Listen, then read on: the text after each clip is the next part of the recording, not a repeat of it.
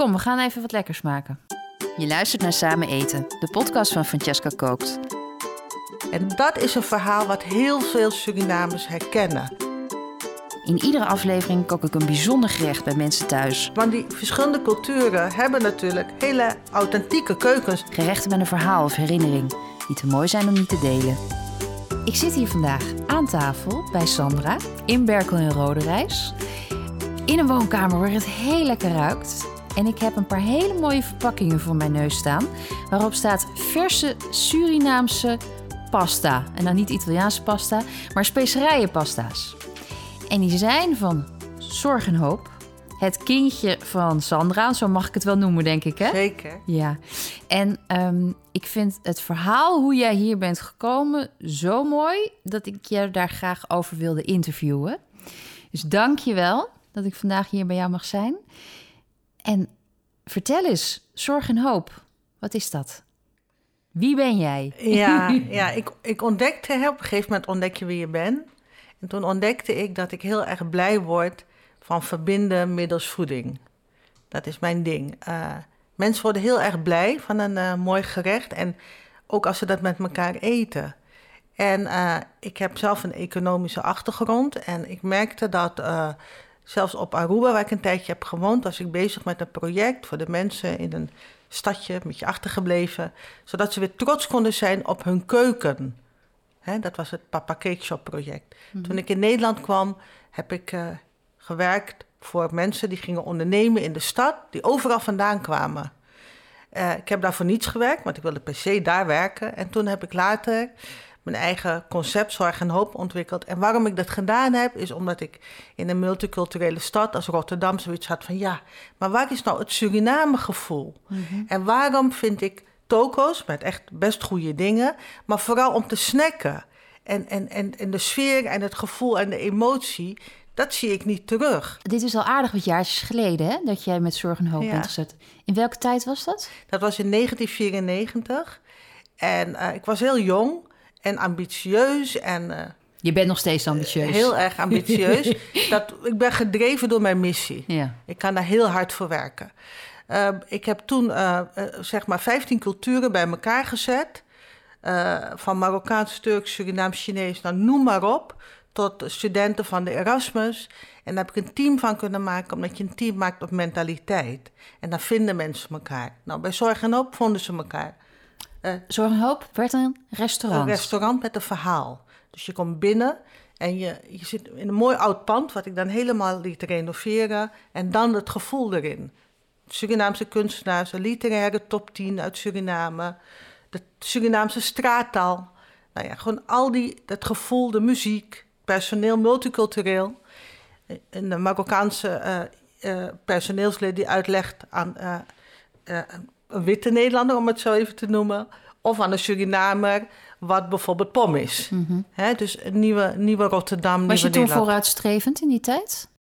Uh, vooruitstrevend en ambitieus. Uh, ja, maar ik bedoel, waren er meer van dat soort concepten of was jij de ik eerste? Ik was een pionier die begon met zoveel culturen bij elkaar, ja.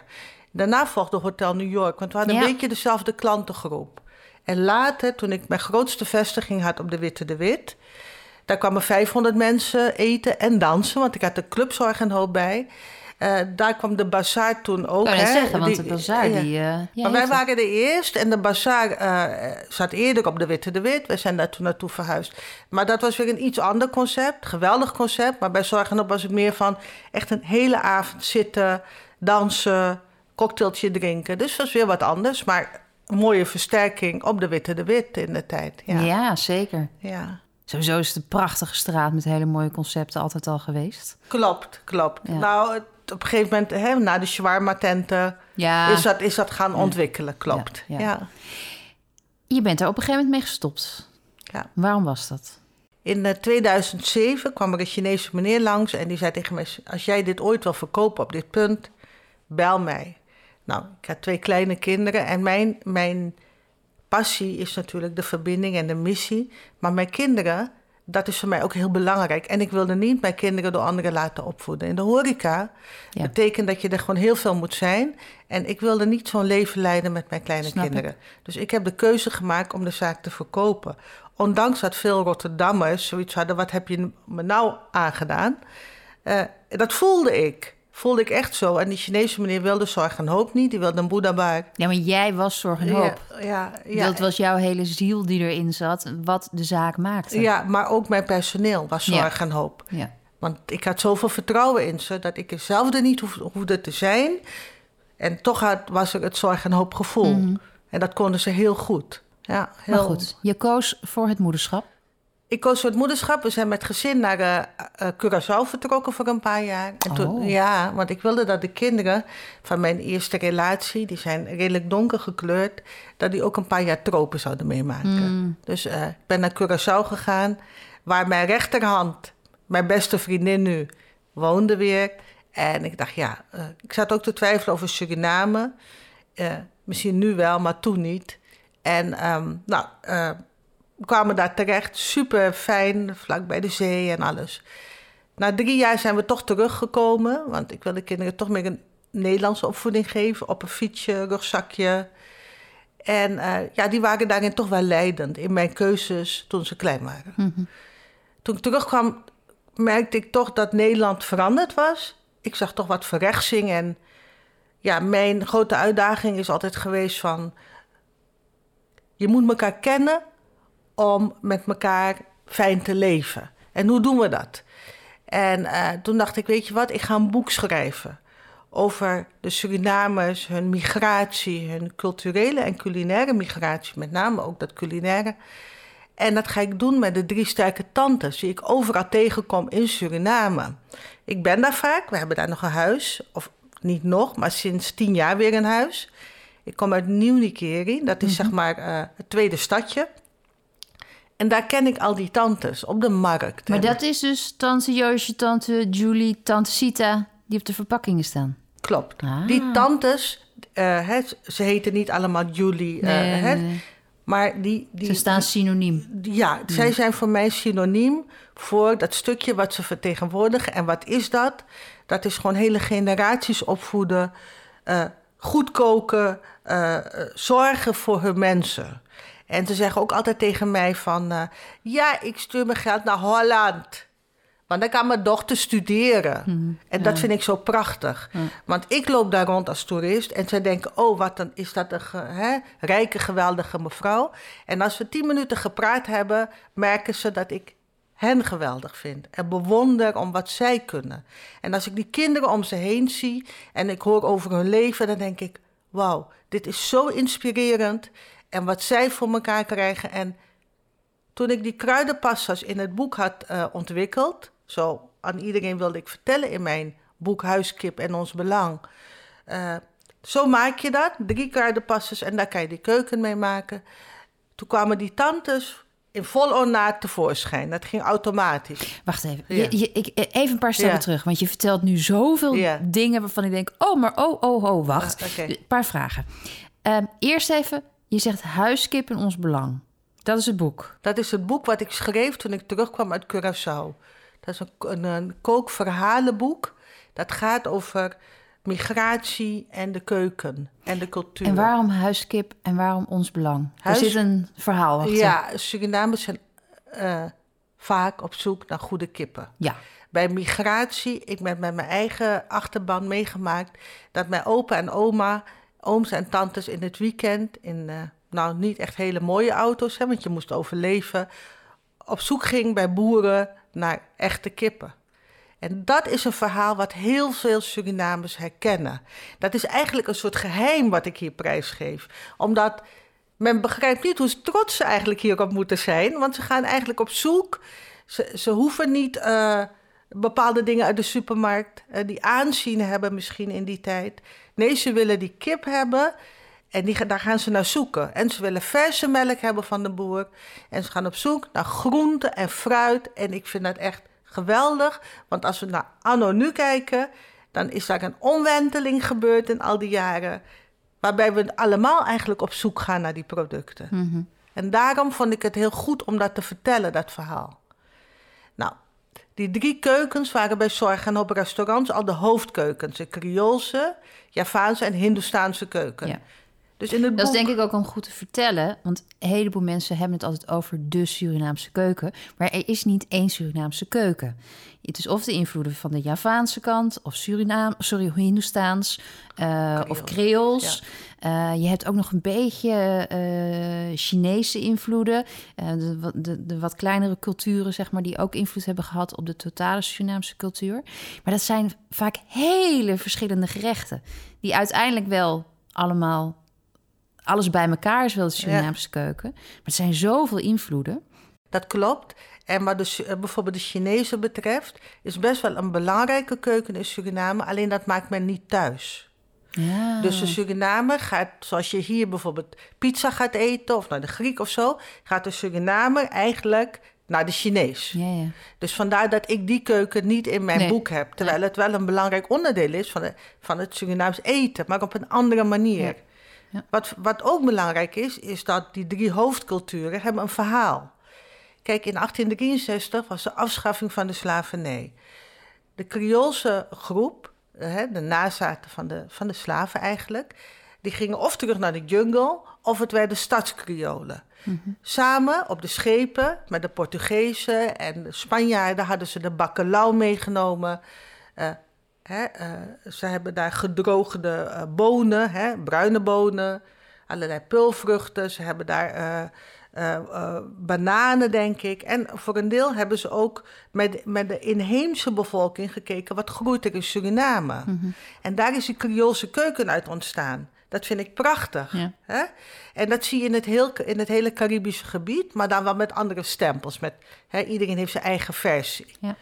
Nou, dan heb je... na 1863 hadden ze natuurlijk mensen nodig om op de plantages te werken. En zo kwamen mijn voorouders met schepen uit India. En die hebben die Hindoestaanse keuken meegenomen, waar curry een belangrijk onderdeel is. Ja. Nou, en chutney en pepers, hè? eh, linzen, veel vegetarische gerechten. Nou, dan had je ook nog de Javaanse keuken, dat is uniek. In heel Zuid-Amerika vind je verder geen Javaanse culturen. En hoe komt dat? Omdat Indonesië, eh, zeg maar, van Nederland was. Dus Nederland had een directe band met Indonesië en dus met Azië.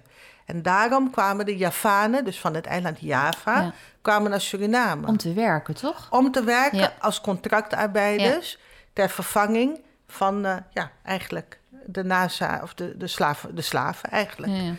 En ehm, die hadden daar natuurlijk eh, geen zin meer in. Het was ook zo dat men had een, eh, een, een soort politiek van verdelen en heers. En dat betekende dat de groepen niet met elkaar leefden, maar heel erg uit elkaar en heel erg hun eigen taal bleven spreken en hun eigen cultuur eh, behouden daardoor. Eh, en dat heeft als gevolg dat Suriname er misschien wat langer over doet om een eenheid te worden. Maar dat die keuken daardoor ook heel authentiek is gebleven. Want die verschillende culturen hebben natuurlijk hele authentieke keukens. Waar ze wel aan vast hebben Maar- gehouden. ja, ja. Maar het moest wel met de ingrediënten die in het land te vinden waren. Ik denk dat ze de kruiden voor een deel meenamen Ja, wel. En de ingrediënten uiteindelijk ja, van het land. Waar ze, maar het waren allemaal tropische landen. Dus ze konden ook bepaalde producten verbouwen. Hè? Ze kwamen natuurlijk uit de Ja. tropen. Ik weet nog dat ik eh, voor het eerst in Indonesië kwam. Dan heb ik een rondreis gemaakt. Dat was een culinaire rondreis, dus ik ging heel veel eten. Toen was ik... Oh, dan moet ik heel even goed nadenken of het nou Sumatra was of Bangka. Nou, dat ga ik nog even opzoeken. Maar ik ging daar bij een, aantal, bij een aantal mensen thuis eten. En het was alsof ik op Surina in Suriname was. Omdat de cultuur, de smaak, de gebruiken... waar kwamen zo met elkaar overeen. Ja. Je voelde, je wist dat je in een ander land was. Maar het leek wel alsof het, alsof het buurlanden waren Ja, van elkaar. ja. Dus ik weet dat ik toen appte naar mijn vriend van... Nou, dit, is- dit, dit, nu snap ik waar bepaalde gebruiken uit Suriname vandaan komen. Ik vond het zo mooi om dat mee te maken. Ja, ja, dat is in Suriname maak ik ook altijd grapjes. We houden van grappen natuurlijk. Ja. Hè. Eh, maar ehm, eh, ze zeggen altijd multicultureel. Multicultureel. Wij zijn alleen maar multicultureel. Daar zijn wij mee, mee opgegroeid. Hè? En dat is natuurlijk ook zo, want in één straat staan heel veel verschillende kerken in Suriname. En eh, er is een grote tolerantiegraad altijd geweest. Maar ja, mensen moeten wel eh, op een andere manier elkaar vinden. Dat is zeker waar. Ja, Terug naar de tantes ja, en hun keukens. ja. De tantes hebben jou geïnspireerd. Absoluut, ja. Ja, die hebben mij in, in eh, 1994 al eigenlijk, toen ik heb besloten om, eh, om die, die drie keukens echt aandacht te geven. Mhm. En vandaar dus dat Rotterdammers en in de omgeving hier ook klagen van... ja, jouw eten kunnen we dus niet meer kopen. En dat, dat is ook zo, dat weet ik. Ja. Ja, eh, die tantes hebben ook voor mij gewerkt in mijn restaurant. Ik had een productieteam Mhm. en daar stonden ook echt Surinaamse tantes. En die stonden daar alles te maken. De voorbereiding, de mise en place, ja. Ja, Ik vind het ook wel zo mooi, want ook als er feestjes zijn, feestjes waren, want die hebben we nu al even niet meer gehad. ja. Eh, alle tantes nemen altijd eten mee. En eh, tante A die moet eh, pom meenemen, want die maakt fantastische pom. Tante B moet bami meenemen, Ja. want niemand anders mag de bami maken. klopt. Mijn schoonmoeder, dus tante C, die maakt altijd barra. Want stel je voor dat ze geen barra maakt, dan is er geen feestje. Maar daar wordt dus echt heel goed wordt dat van tevoren allemaal gepland. En iedereen weet precies wat ze mee moeten nemen. Want anders is er gewoon paniek. Dat klopt. Waar is die sambal? Heb je die sambal niet meegenomen? Ja. Maar jij zou toch die sambal Ja. maken? Nou, ik vind dat fantastisch. Ja. Ehm, maar het is ook, de, de smaken zijn ook zo, je, je, onthoudt het ook. Je proeft direct wie wat heeft gemaakt. Ja, dat is echt geweldig. Ja, dat herken ik natuurlijk. Ik merk wel bij de derde, vierde generatie die hier opgroeit... dat eh, dat, dat weer een uitdaging is. Hè? Want ze gaan bij papa Ja. en mama eten... net zoals eh, men graag bij de Surinaamse buurman of buurvrouw eet. Ehm, dat heeft mij allemaal geïnspireerd om te zeggen van... ja, eh, we moeten met die Surinaamse keuken die smaken behouden... We moeten eigenlijk het. Ik, ik ga niet een nieuwe Surinaamse keuken bedenken, maar ik ga wel zeggen, we plaatsen hem wel in het nu. We kijken wel naar mensen die het willen eten, maar die een druk bestaan hebben en die toch die Surinaamse keuken niet willen vergeten of willen bereiden voor het eerst. Ja. Dat Ja. was mijn uitdaging, want ik zei tegen Rotterdam in eerste instantie van ik zorg dat jullie dat eten weer hebben. Je kan het nu zelf maken. Dat was eigenlijk hè, mijn idee van ja, dit, dit moet wel op die... En dan hoopte ik daarna natuurlijk in Nederland. En dat ik ook mijn verhaal kan vertellen. Dat je mij niet meer vraagt, waarom kom ik uit Suriname en ik heb geen kroeshaar? Hè, dat is ook iets wat mij persoonlijk altijd heel erg eh, ja, bezig heeft gehouden. Van hoe kan dat? Hoe kan het dat we zo weinig van elkaar weten? Mhm. Ja, goede vraag. Ja, Ik denk dat we gewoon steeds meer, dat het steeds anoniemer wordt. ja. Dat we steeds minder met elkaar praten en dat we daardoor niet meer exact weten van hoe of wat. Dat denk ik ook. Hè? Men zegt van Ma- Maslow, de laatste fase is zelfontwikkeling. Ik denk dat je, dat je eigenlijk de laatste fase moet zijn. Wie zijn we met z'n allen? Hè? Hoe gaan we ons met elkaar bezighouden? Mhm. Mhm. Ik heb ehm, de currypasta. Nee, sorry, ik zeg het verkeerd. Ik heb de Creoolse specerijpasta. Die heb ik vorige week gebruikt om eh, kip te marineren voor de verjaardag van mijn jongste. Ik zei, eh, die werd vier. Ik zeg, wat wil je eten? Eh, bami, zei die, met uh, papa's kip. Ik zeg, oké, dat is mijn bami met papa's kip. Later begreep ik dat ik ook sauto had moeten maken, maar dat had ik niet, blijkbaar niet goed opgeslagen. Dus ze waren helemaal in de war omdat ik geen sauto had gemaakt. Dat is Oh heel grappig. Ehm, maar ik had dus die kip gemarineerd eh, in de pasta. Eh, niks gezegd, laag temperatuur gegaard in de oven, gegeven, mijn mond gehouden en zij eten.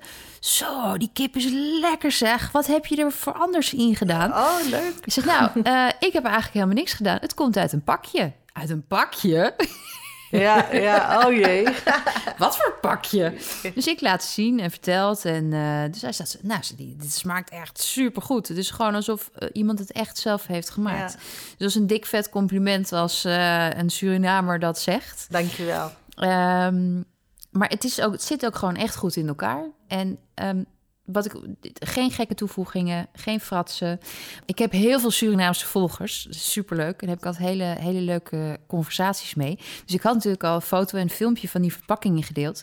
Toen reageerde een Surinaamse... Ja, staat er kruiden of specerijen in. Dan weet ik nog steeds niet wat erin zit. Maar ja, dat zijn natuurlijk de geheimen van de Surinamers. Hè? Die geven ze niet prijs. maar ze staan er wel op. Ja, hier staat... Ja, ingrediënten. ja, maar er staat zout, kruiden, specerijen. Ja, oh. En dan willen ze natuurlijk weer weten wat voor kruiden en specerijen zitten erin. Ja, en dat heb, heb ik allemaal doorgegeven. Ja, nee, Alleen maar- eh, ze hebben het er niet op gezet. Nee, joh, het is gewoon een grapje. Ja, nee, maar begrijp ik ik. vond het leuk. Weet je, ik denk, dan zitten ze er wel echt naar te kijken. Hoe lang ben jij bezig geweest met het ontwikkelen van deze Be- pasta's? nou, best wel lang. Want eh, toen ik dat boek had geschreven... eh, Hoe lang ben je daarmee bezig? nou, ik kwam... Ja, ben er nu toch wel altijd... Maar ik heb het ook een tijdje stopgezet door de kruidenpassers. Hm. Dat is toch een paar jaar geleden. Toen ik aan het boek begon... ehm, toen ben ik eigenlijk de kruidenpassers gaan ontwikkelen. Hè? Ik had het boek geschreven. Toen ben ik de kruidenpassers gaan ontwikkelen. Omdat men ernaar vroeg. Men zei van, ja Sandra, leuk. Je schrijft hoe je de kruidenpasta maakt in het boek. Maar kunnen we het ergens krijgen in een potje? Ik heb geen tijd om dat te maken. Ah, Ja. En zo is het ontstaan eigenlijk. En toen dacht ik, ja, maar dan moet ik wel achter staan. Dan moet het wel een product zijn wat, ja, wat is wat ik wil dat het is. Nou, dat heeft best wel een, een, een paar bedrijven die, ik, eh, die dat hebben ontwikkeld gekost. Ja. En eh, dat is natuurlijk best wel iets. Want kijk, bij mijn restaurants, ook al kwamen er 500 mensen eten, à la carte... Dat sliep, dat kon ik niet slapen als één persoon commentaar had. En ik vond het terecht. Omdat, dat vind ik heel belangrijk. Het is me eer te na en ik vind dat het echt goed moet zijn. Dus dat geldt dan ook voor die kruidenpassers. En ik wil er geen troep in en allemaal dat soort zaken. Ja. Dus dat was nogal een uitdaging.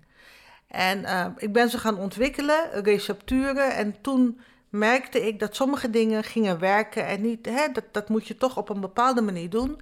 En het werd steeds professioneler. Toen mijn hele grote partij. En eh, nou, die, die vonden het ongelooflijk dat ik eh, bij een super, grote supermarkt terecht kon. En, eh, Is het ook. ja, en- Zeker met, met dit niche-product, noem ik het maar. Niche-product, Ja. zeker. Maar de smaakmaker daar in Nederland, in de Veghel, die proefde het en die zei: Ja, dit moeten we eigenlijk wel verkopen. Dus het, ik was er heel erg blij mee. Want kijk, uiteindelijk wil ik maximale winst voor ook maximale impact. Want uiteindelijk wil ik natuurlijk meer kunnen doen. Ik wil er zelf van kunnen leven, want we zijn een commercieel bedrijf, maar wel met een, eh, maatschappelijke eh, missie. En ik zou heel graag een chutneyfabriek willen beginnen in Suriname Mhm. voor vrouwen en een kinderopvang voor kinderen. Wat mooi. En, ja, en dat ga ik ook doen. Als dit gaat lopen, ga ik dat ook doen. Dan kunnen ze hun eigen inkomen verdienen. En je helpt alleen maar bij de opbouw. Mhm. En dat is waar ik in geloof. Ja. Ehm, dus ik, ik heb een doel. En eh, mijn doel heeft eh, dit neergezet. ehm, met mijn geloof daarin. En eh, ja, ik heb uitdagingen. Dat weet ik. Hoe word je bekend over heel Nederland? Ik vond het heel prachtig dat jij zo positief reageerde. Ik waardeer dat. maar het zijn eerlijke meningen. Hè? Want als je het niet goed vindt, dan zal je anders reageren. Ja. Dus dat helpt mij. Ehm, en ja, ik ben aan het zoeken. Ja, van, eh, ja. Weet je wat ik heel interessant vind? En ik, waardoor ik denk ook dat eigenlijk veel meer mensen het zouden eh, willen kopen. Is er staat in het hoekje van de verpakking klaar in 15 minuten makkelijk. Toen ik eh, een relatie kreeg met mijn, met mijn mister, ehm, wist ik niets van de Surinaamse keuken. Mijn schoonmoeder en mijn schoonfamilie hebben mij geleerd Surinaams te koken. En ik heb altijd één ding geleerd en dat was... Iedereen kan Surinaams koken, maar je moet er wel de tijd voor nemen. Want je kunt niet even snel Surinaams koken. Wat doe jij? Jij gooit eh, kruidenpasta's in de winkel waarop staat klaar in 15 minuten. Te gek. Want nou kunnen dus een veel groter publiek kan Surinaams koken. dat klopt. Maar hoe doen ze dat dan snel? Nou, ehm, je hebt twee, je hebt meerdere manieren. Maar eh, wat ik zelf heel veel doe in mijn drukke bestaan, is of ik ga gewoon roerbakken. Ik kan net zo goed rendang met eh biefstukkenreepjes maken volgens eh, het recept hè, van rendang, wat ik ook op de, op de site heb staan. Ehm, maar ik kook of in de oven of ik doe roerbak. En de oven betekent het pakje en eh, twee of drie ingrediënten erbij. Uitje en hè, misschien één ding nog of twee. Dat doe je in de ovenschaal, dat doe je dicht en je laat de oven zijn werk doen. Mhm. Veel mensen werken thuis. Nou, je zet gewoon een klokje aan. En ik heb bijvoorbeeld rendang gemaakt. Ga je zo meteen proeven. Helemaal in de oven bereid. Nou, veel mensen dromen ervan. Die denken, ja, wacht even. Ik ga niet anderhalf, twee uur koken vanavond Mhm. na mijn werk. Dus de oven, dat komt ook een beetje door mijn restaurants. Daar wordt heel veel met ovens gekookt, hè, waar echt zo'n grote restje in de oven staan. Ja. Maar thuis kan je dat net zo goed doen. We hebben geweldige apparatuur. We hoeven niet meer in een pannetje te roeren en dan laten stoven. Tuurlijk is het ook mooi en een mooie techniek. Maar als je wil werken en je hebt andere dingen te doen, gebruik die oven. Sluit het altijd eerst af met folie. Laat het garen en grill het af op het moment dat je het gaat eten. Ja. Ja. Dat is echt een techniek. En de andere is gewoon olie, ehm, uitje, kruidenpasta. En dan whatever je lekker vindt. Of het vegetarisch is, alleen maar groenten hè, van het seizoen. eh, of vis, of garnalen, kip. Eh, als het met bot is, zou ik zeggen, doe het in de oven. Ja. Ja. Zonder bot, even roerbakken en je bent klaar. Dus het is echt heel simpel. Waarom is het zo kort? Waarom maar 15 minuten? Hè? Dat is jouw vraag. Omdat ik echt goed heb nagedacht over de combinatie van kruiden die de smaak geven. Zoals ik het ken, zoals mijn familie het kent. Ja. Kun jij voor iedere kruidenpasta een tip ge- geven? Dus we beginnen met de Hindoestaanse currypasta. Daar staat op. Onder andere voor kip, vlees, groente of vis met roti, naan of rijst. Slimme, snelle tip hiermee. Wat zou je hiermee maken? Nou ja, je kan kip curry maken met bot. In de oven doe je de zoete aardappel erbij. Je doet de kool erbij. Je zet alles. Currypasta. Heel klein beetje olie. En het enige wat je moet proeven is... Wil je genoeg, heb je genoeg zout of peper erin? Dus dan gaat alles gewoon bij elkaar in één schaal. In één schaal In de ik, oven. Ja, heb ik Rustig gisteren laten gedaan. Ja. En ik had een biologisch kippenboutje. Echt nog van, eh, van de boer. Dus dat duurt wat langer. Eh, nou, maar dan gaat alles mooi. En als je restjes aardappels hebt, doe je dat erbij. Dus zo maak je ook de restjes op. En kolen, mooi product van nu. Eh, gebruik witte kool, hè, want dat is wat steviger. Je doet allemaal bij elkaar, zoete aardappel, kip, witte kool. En je laat het gewoon met je uitje en je laat het garen. Je hoeft eigenlijk dan verder weinig te doen. En op het laatst kan je er wat spinazie bij doen, als je dat wil. Dat is ook een perfecte basis voor rotti. Dat is een geweldige basis Ja. voor roti. Zorg ook dat je altijd wat chutney hebt. En daar heb ik ook een tip voor. Chutneys zijn vaak te pittig. De kinderen en mensen die niet zo pittig eten. Vermeng het met iets wat minder pittig is. Dus of doe er stukjes tomaat of komkommer. Een lekkere eh, fruitige eh jam wat je hebt. Whatever. Zodat je chutney niet zo pittig... balanceerd. Ja, ba- meer gebalanceerd. Ja. Ik hoorde jou net over de kip. Opeens schoot mij een vraag te binnen. Surinamers en het wassen van de kip. Hoe zit dat?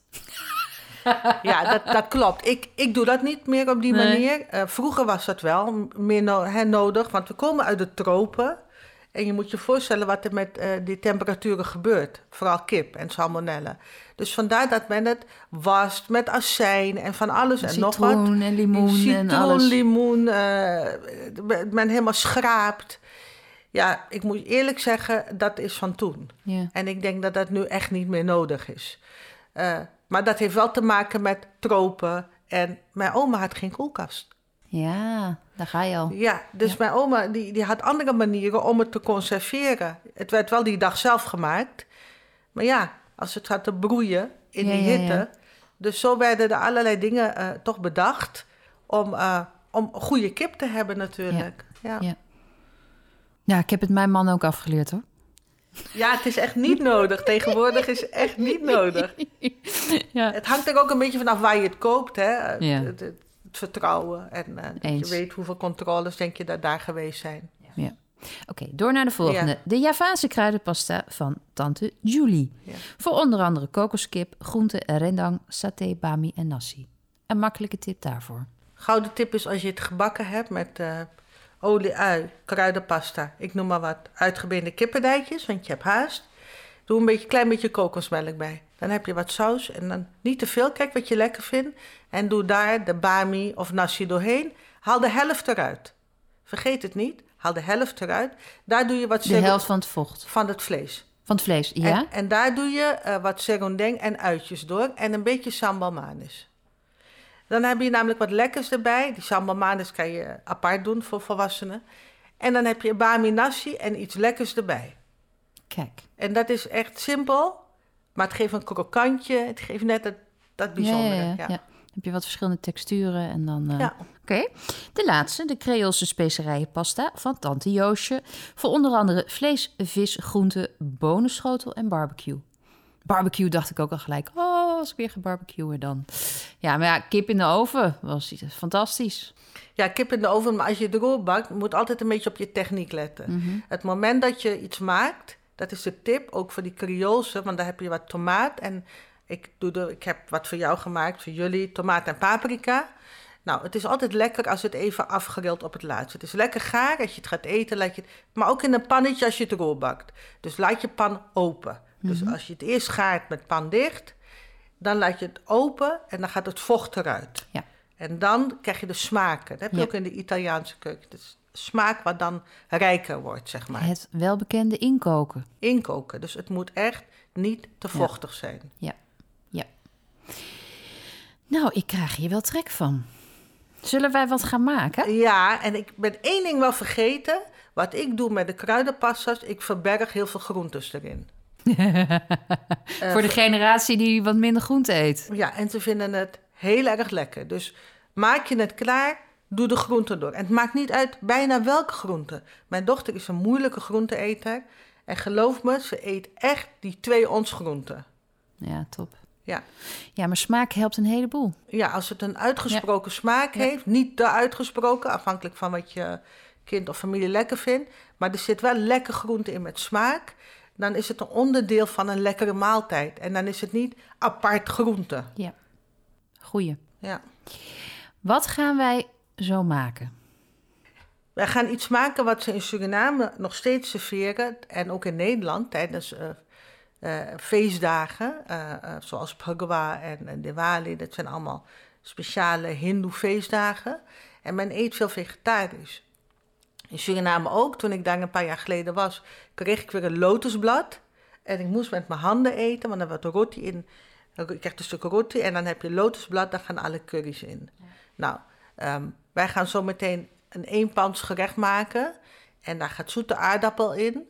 Eh, daar gaan bruine linzen in. En een uitje. En dat gaan we de curry maken. En dan komt op het laatst spinazie en tomaat bij. Klinkt goed. En dat kan je dan eten met een eh, lekker stukje roti. Maar vergeet nooit, roti kan je ook vervangen door naanbrood. Ja. En dat doe ik ook vaak. Naanbrood in de oven zetten, vinden ze net zo lekker. En natuurlijk, roti heeft weer andere smaak. Maar je hoeft je niet alleen maar op roti te focussen. En is het vegetarisch of is het zelfs helemaal veganistisch? Het is veganistisch. Ja. Ja. Dat vind ik ook wel een hele interessante. Want ik denk als je normaal ehm Surinaams gaat halen bij een, een toko of recepten vindt, is het 9 van de 10 keer met vlees of met vis. Ja. Er zijn vaak nog weinig echt vegetarische en al bijna helemaal niet veganistische recepten te vinden. Misschien wel in de grote steden hoor, maar dus ik denk een beetje zo mainstream is het weinig te vinden. Dus dat vind ik ook wel weer heel interessant, hoe je die authentieke smaak, maar dan volledig plantaardig kunt maken. Weet je wat zo bijzonder is in wat je zegt? Eigenlijk van oudsher eten, eten met name Hindoestanen heel veel vegetarisch. Ja. En als er vegetariërs zijn in een bevolkingsgroep, is het wel bij de Hindoestanen. Alleen maar vlees had een bepaalde aanzien, een bepaalde status. Hè? Dus vanuit een cultuur waarbij vegetarisch eten heel goed bereid werd, werd vlees eigenlijk iets van als je het goed hebt. Ja. Als je bij mij thuis komt, ga ik die huiskip voor jou slachten. Ja. Of ga ik mijn eend voor jou slachten? En daardoor is ook vlees echt een ding geworden. Terwijl nog steeds in Nederland tijdens feestdagen krijg je gewoon geweldige vegetarische gerechten. Ja. En bruiloften. Ik weet niet of je het ooit hebt meegemaakt. Ja. Zeker. Ja, dus eh, ja, ik denk dat het wel weer komt. Deze Denk generatie gaat het weer ontdekken. Ja. Ja. Er zijn ook een aantal eh, bloggers, ehm, die eh, Surinaamse bloggers, die ook heel veel veganistisch en vegetarisch koken. Oké. Eh, ik moet even, ik ben even hun naam kwijt, maar we, zijn, we komen zo meteen nog even terug hier. Ik ga het heel even opzoeken. Maar die, die hebben hele mooie Surinaamse recepten, doen heel veel veganistisch, vegetarisch. is ook leuk voor jou een keertje. Ja, Ja. leuk. Komt dan- Maar die zijn dan de hele dag aan het koken? Of gaat het wel redelijk snel? Of, weet ik niet. Weet Ja. Weet niet. interessant. Ja. Ja. Leuk. Kom, we gaan even wat lekkers maken. Goed idee. Even kijken, laat me eens een uitje snijden. hey, gebruik jij olijfolie? Ja, ik, ja, ik gebruik meestal olijfolie, omdat Oh. dat toch de gezondste olie is. Ja. Nou, als, het, als ik hem kan prikken, dan eh, gaat gewoon de pan open, vocht gaat er dan uit vanzelf.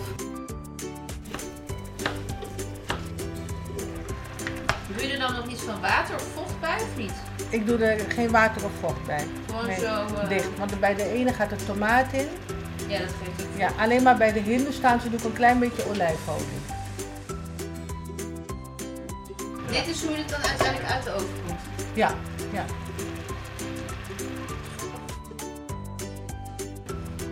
Zit er weinig zout, tenminste. Dan moet je nu aanpassen, alleen zout moet je aanpassen. En dan doe ik er een klein beetje komijn in. Maar het hoeft niet. Voor mensen die weinig zout eten, Ja. is dit prima. Ja, ik heb expres de basis weinig zout. Maar ik vind hem al best heel goed smaak hoor. Ja, en nu doe ik een beetje komijn. En nu Kom. had je nog niks in. Dit is Nee. puur alleen de pasta hè? Alleen de pasta.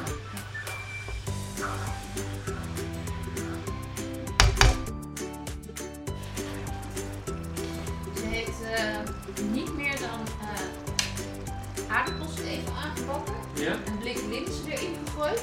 ja. De, de specerijenpasta. Water. Ja. En nog een klein beetje van mij. That's it. Ja, Top. En echt top op smaak.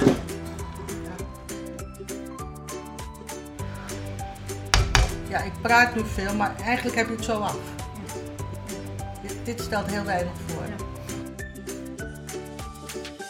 Wij zouden een hapje eten, iets maken. Intussen hebben we een viergangen diner gegeten. Want eh, zoals een goed Surinaamse betaamt... had ze gisteren alvast even drie gerechten gemaakt. En nu weer wat. Dus we hebben alles geproefd en het was zalig. Ja, in één woord. Mooi om te horen en ben je verrast. Ja, enorm. Maar ehm, ik zal uitleggen waarom. Om twee dingen. A, jij kookt op een manier zoals ik nog nooit ieder, ooit iemand eerder heb horen koken. Jij gooit namelijk, nou, ik zeg het een beetje oneerbiedig, maar jij doet alles in een ovenschaal. Bakt niks aan, doet niks, doet geen gekke fratsen. Dan zet je het afgedekt in de oven voor een paar uur. Je kijkt er niet meer naar om. Je gilt misschien nog wat af op het einde. En de smaken zijn weergaloos. Dat vind ik A, geniaal. Maar ook gewoon jouw specerijenpasta's. Die doen het zo goed. Die zijn zo goed op smaak. Waardoor je dus echt gewoon binnen no time iets heel lekkers kunt maken. Waaraan ik niet proef dat het uit een pakje komt. Dankjewel, dat, dat is een heel groot compliment. Ja. En ehm, ik vind ook dat we allemaal kwaliteit verdienen. Weet je, dat is namelijk vaak het moment dat je bij elkaar gaat zitten als gezin. En dan moet je blij worden. En dat is voor mij heel belangrijk. Ik wil dat je echt een glimlach op je gezicht krijgt. En die zag ik net. En dat geeft mij het gevoel wat ik wil krijgen, weet je wel? En het maakt niet uit wie het maakt. Maar dat moeten we met z'n allen voor elkaar krijgen. En dan, en dan zijn we in verbinding. En eh, je kan het in de oven maken, je kan het ook roerbakken. Dan heb je ook die smaken, maar Ja. dan doe je het vaak zonder bot. Ja. Maar een bot geeft natuurlijk wel een bepaalde dimensie eraan. Maar Ja, maar ook eh, de daal die we net hebben gegeten, die helemaal veganistisch is, die barstensvol smaak zit en zo lekker was, eh, die was ook zo klaar. Het was ook even een kwestie van wat aardappels, linzen. ja. Nou, jongen, ik ga even zeggen, dat was dus zoete aardappel, gewone aardappel, even koken, even aanbakken, linzen erbij, specerijenpasta erdoor, klein beetje zout, maar dat was echt minimaal. Ja. Spinazie erdoor, klaar. ja, en dan had, deed ik op het laatst nog wat blokjes tomaat. Maar dat hoef je Oh ja, niet te doen. tomaat. Ja. Hoef je niet te doen, dat Ja. doe ik erbij. Maar dan heb je gewoon een hele maaltijd. Eigenlijk eet je dat dan met een stukje naan of rijst als je wil natuurlijk. Of roti. En eh, heb je een chutney of eh, iets wat jij lekker vindt erbij. eh, een paar stukjes komkommer. Dan ben je klaar. Ja. Ja, en even voor de mensen thuis. Wij hadden er dus een chutney bij van gerookte tomaat en appel. En gerookt, alle, alle, allebei gerookt. En dan madame Jeanette peper ook. Maar dat is een hobby van mijn man. Oh, die was lekker. en we hadden een mango chutney met vlierbessen. Ja, die was ook geniaal. Dus, Misschien moet je die chutneys ook gewoon gaan verkopen. ja, ik ga, ben wel bezig met het ontwikkelen van een chutney. Dankjewel. We moeten nog even goed vertellen aan iedereen thuis... waar ze die geniale specerijenpasta's voor jou kunnen kopen.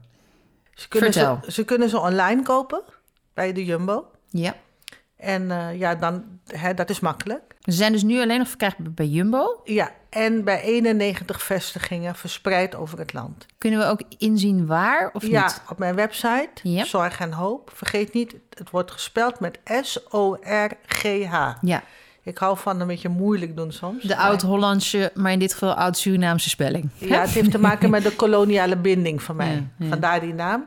Zorg en Hoop. Dat is een website. Dat staat bomvol met deze recepten, ook die ik vandaag gemaakt heb. Ik zal zorgen dat er allemaal linkjes bij komen, zodat iedereen gewoon door kan klikken.